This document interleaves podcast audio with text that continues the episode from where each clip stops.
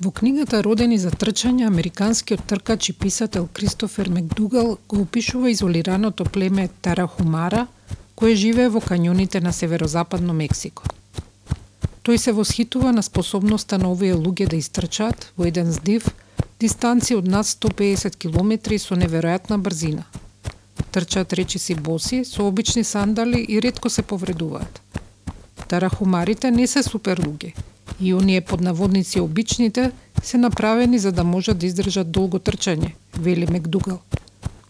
Да ме видел како трчам по двојка на партизанска, сигурно би го сменил мислењето. Но да ги видел нашите денешни соговорници, би рекол, ете гледаш?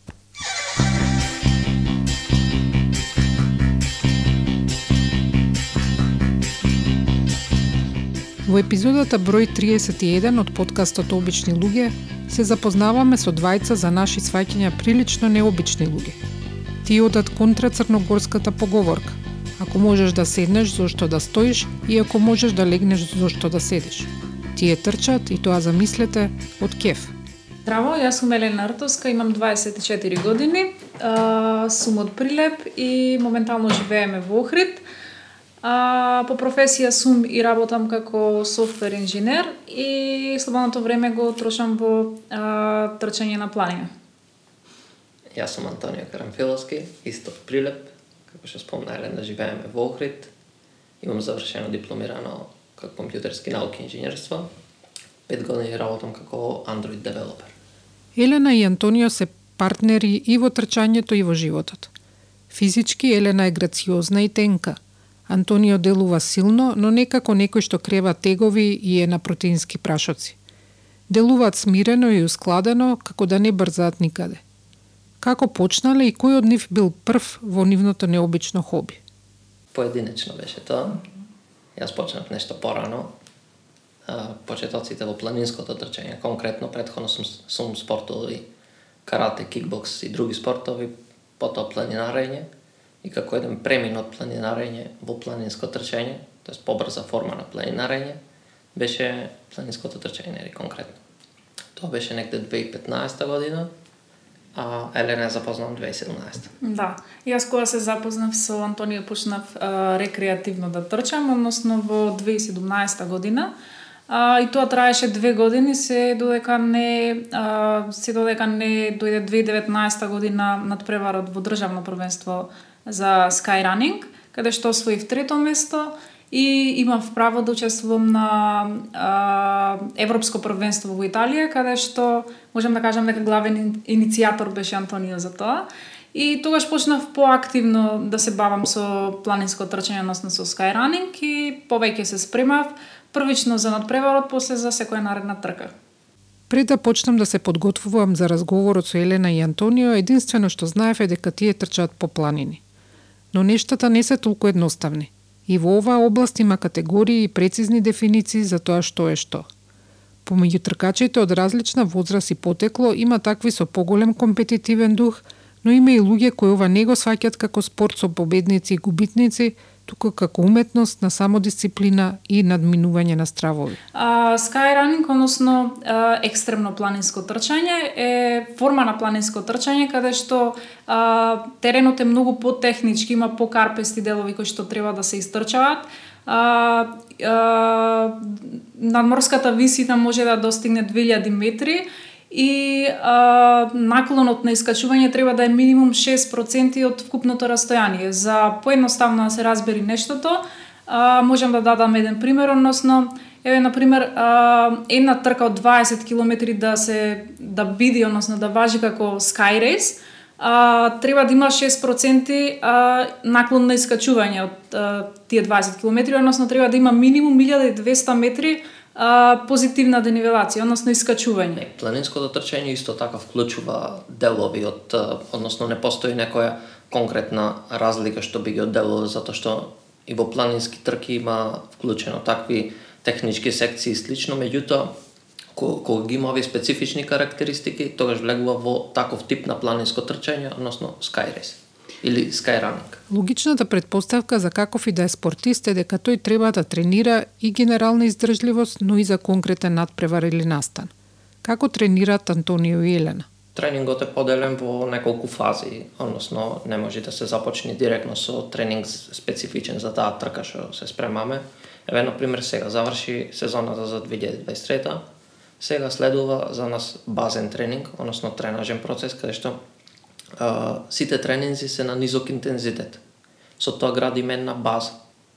На таа база па потоа додаваме малку поинтензивен тренинг и на крај иди специфичниот тренинг за конкретно за таа трка, каде што го симулираме теренот, симулираме тоа што ќе внесиме за време на трката, како ќе се одвива самата трка. Едноставно го симулираме се она што сакаме да се случи на, на трката. Подготовките за трка сепак не вклучуваат само физички активности, туку и многу пошироки подготовки. Треба да се познава теренот, да се предвидат можните предизвици, да се знае во што се влегува – но како да предвидиш што може да се случи во тек на 20 или 30 сати на планина? Да, за секоја трка добиваме GPS файл, односно GPX файл кој што има исцртано рутата, каде што се знае по која патека ќе се оди, која ќе биде искачувањето, на кои места ќе има контролни точки, на кои места ќе имаме окрепна станица, нели, кај што може да се освежиме и слично. Конкретно за скайранингот, менталниот мен, менталната подготовка, односно психичкиот дел не е толку битен, меѓутоа кај а, ултра трчањето затоа што исто тоа е на форма на планинско трчање, каде што нештото може да трае 20 сати, 30 сати, таму треба малку повеќе од само физичката спремност, затоа што за трчање до 2 до 3 сати физичкиот дел ќе ќе ќе го направи тоа да го да може лесно да го завршиме без да треба а, да да надминиме таа граница, нели, кај што. Вие така мислите, а 15 минути да трчаме ќе ментално ќе оболам, така што Тоа е за вас кои што сте искусни во таа работа и викаш е два сата големо чудо, а всушност нели Зависи со какво темпо трчаш тие два сата. Она што ми остави посебен впечаток е мотивацијата за нивното трчање. Секако тоа е предизвик на издржливост и на работа на себе – но тука има и друг момент кој повеќе има врска со убавината на гледките и на самото движење. После планинарењето сватив дека движењето едноставно а, потреба за мене, дека е нужна потреба и како преодна форма од планинарење, а, едноставно ми го задоволува естетскиот сегмент од нештото. Планинското трчање беше многу близко до планинарењето исто. Многу ме фасцинираше тоа што а, раз, а, а, поминатото растојание е многу поголемо со кога трчаме, нели, за разлика од тоа кога планинариме. Иако Види во... со кола е поголемо. да, но во тој момент би ги изгубиле е, помалку работи би виделе по попадно. А естетскиот што значи естетскиот дека си на планина, дека е зелено, дека е зајди сонце, изгре сонце во таа смисла? Па првично а, нели бараме некоја форма на естетика во во се околу нас. Прво обкружувањето е такво, некогаш е сурово, не секогаш изгледа добро, меѓутоа на некој начин го го постигнуваме а, ако мора да е движење, барем нека биде некоја естетска форма на движење. Небитно од кој аспект би го задовол, нели, тоа е субјективно, каде што а, естетскиот дел може да биде различен. Дури во сурови услови, самото, самото движење по некоја во некоја белина, самото креирање на некоја линија може да биде естетски дел.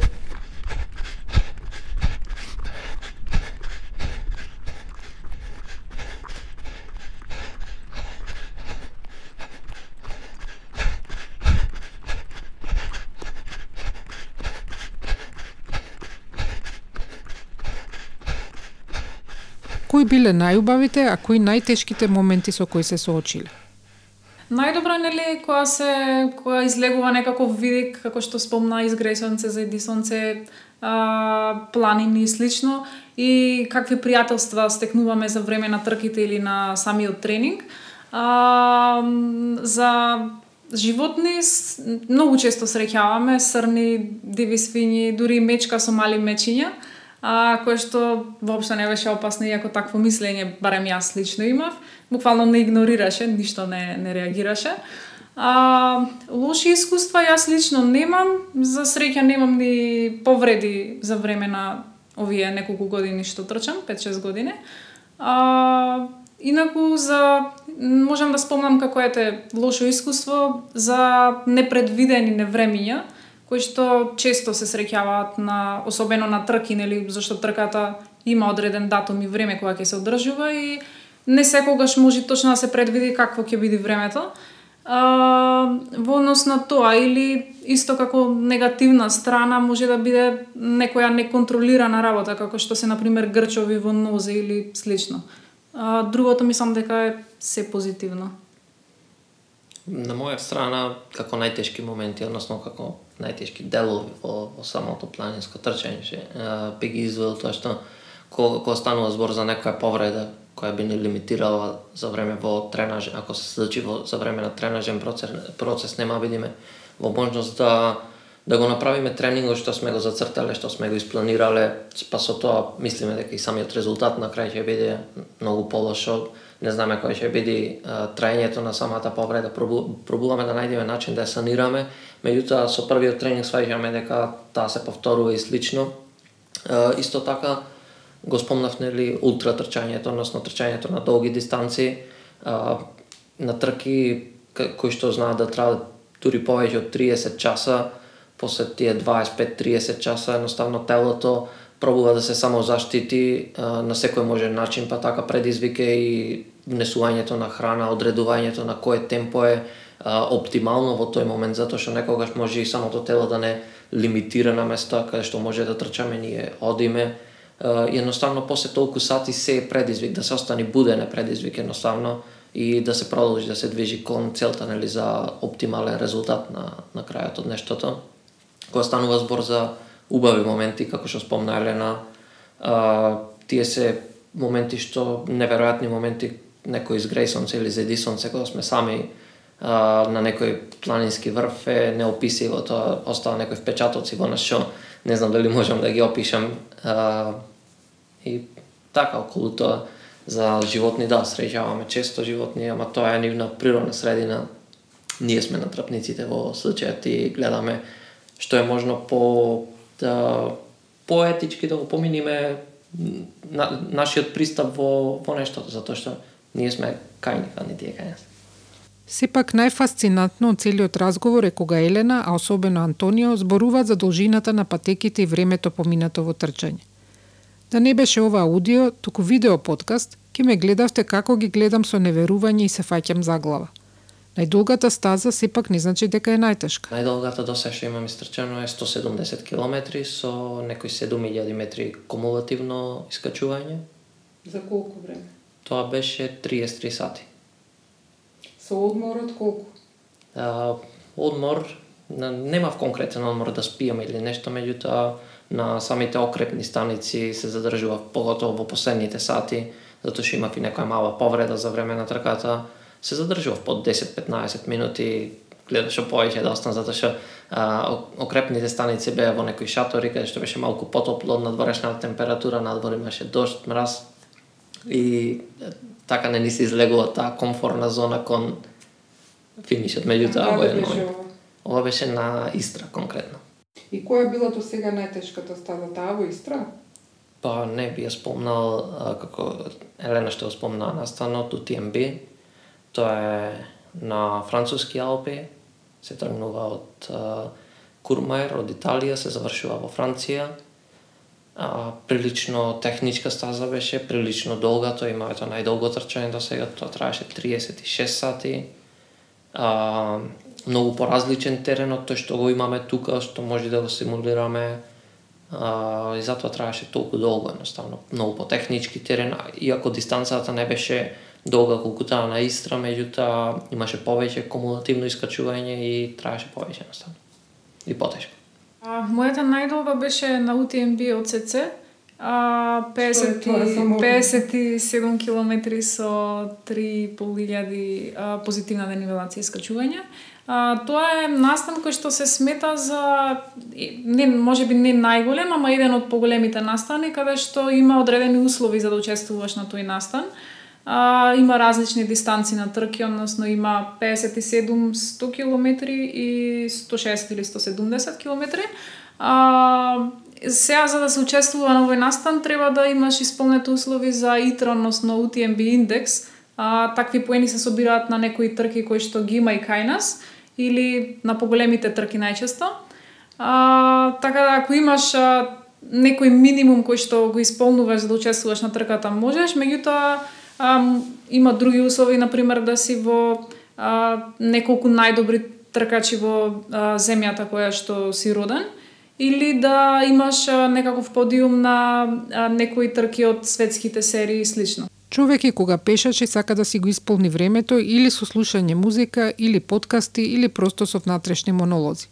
Што размислуваат тие додека трчаат? А, мислите не, се најразлични од тоа. А, првично, значи, сме концентрирани на нашиот перформанс. Тоа е кога сме свежи, кога а, мислиме како ќе завршиме трката, го внимаваме на брзината со, со која ќе се движиме, исто внимаваме на менаџирањето на тоа што ќе внесиме на следна контролна станица. Како што одминуваат сатите, мислите се како се менуваат, во случај да се појави некоја болка или некоја нешто ситно што наговестува на некоја повреда, тогаш нормално мислите се насочени таму, а во секако знае и да така малку и да неколку сати да поминат од самото трчање во е, некој по поопуштени размислување. Едноставно нема нешто конкретно на кое што се насочуваме, затоа што никогаш не се насочуваме кон, кон тоа да се фокусираме само на финиш линијата и ништо друго. Едноставно уживаме во самиот терен, во самото. Значи да не победите не сте разочарани. Да. Во секој случај. Како реагираат на ова нивно хоби пријателите, колегите, семејството? Па на старт кај мене не беше баш прифатено затоа што а, нема друга работа па излега да трча цела планина. Меѓутоа после тоа едноставно тоа не влијаше врз мене. А околу колегите секогаш се фасцинирани од тоа што што го правиме, ги раскажуваме нашите приказни случаи, некој сме можда и досадни со и наметливи со приказните, меѓутоа тие инсистираат да ги слушнат и слично. А, генерално сме супер прифатени од околината имаме поддршка за едноставно за за тоа што го правиме. Да, меѓутоа иако мислам дека а, да сме прифатени, мислам дека поголем дел од нив не се ни свесни за сериозноста на спортот. Сигурно, затоа што тој што не не пробал, треба да има само добра фантазија да замисли што тоа подразбира. Да, зашто навидом добро звучи као е трчаш по планини, тоа е супер. Ама трчаш веќе две вечери не спиеш, не е баш едно. Кога некој од мирно седење, тотално неупатен во скайранингот, би сакал да почне да се занимава со ваквото трчање, од каде треба да почне? Планинарењето е многу добар а, влез во нештото, затоа што нели се врви по истата патека како и планинското трчање, меѓутоа на многу понизок интензитет, не се брза значи, нигде. Прва фаза кроце. Да, да, да. да. И после тоа да после се згоне. Брзо, так, так, так, така. Која ќе ни станат спори планинските маршрути, тогаш преминуваме кон планинско трчање. А имате некоја ултимативна цел е тоа да го направам и да сумраат?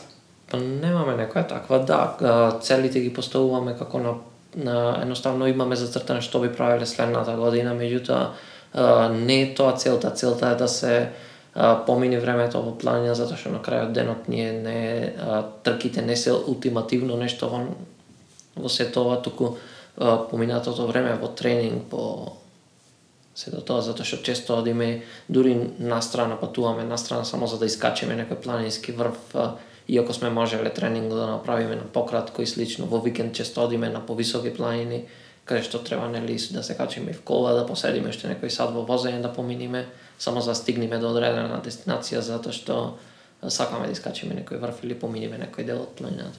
Велат има два типа на трчачи. Едните бегаат од нешто, другите трчаат кон нешто. Од кој тип се Елена и Антонија? Па не би рекла дека бегаме од нешто, ма трчаме, нели? Трчаме да, да, да се подобриме себе си нормално, а, во секој поглед. А, тоа не гледам причина што би бегала. Да, јас не би го дефинирал трчањето како бегање од нешто или трчање кон нешто. Едноставно ако како што спомнав, ако движењето е нужна потреба, тогаш барем нека биде естетски на повисоко ниво, односно според моје субјективно мислење, нека биде планинско трчање. Драго ми е што патеките по кои Елена и Антонио трчат, а јас бавно одам, се споја. Секогаш кога ќе стигнат на врвот на некоја планина, со задоволство ќе им мафтам одолу.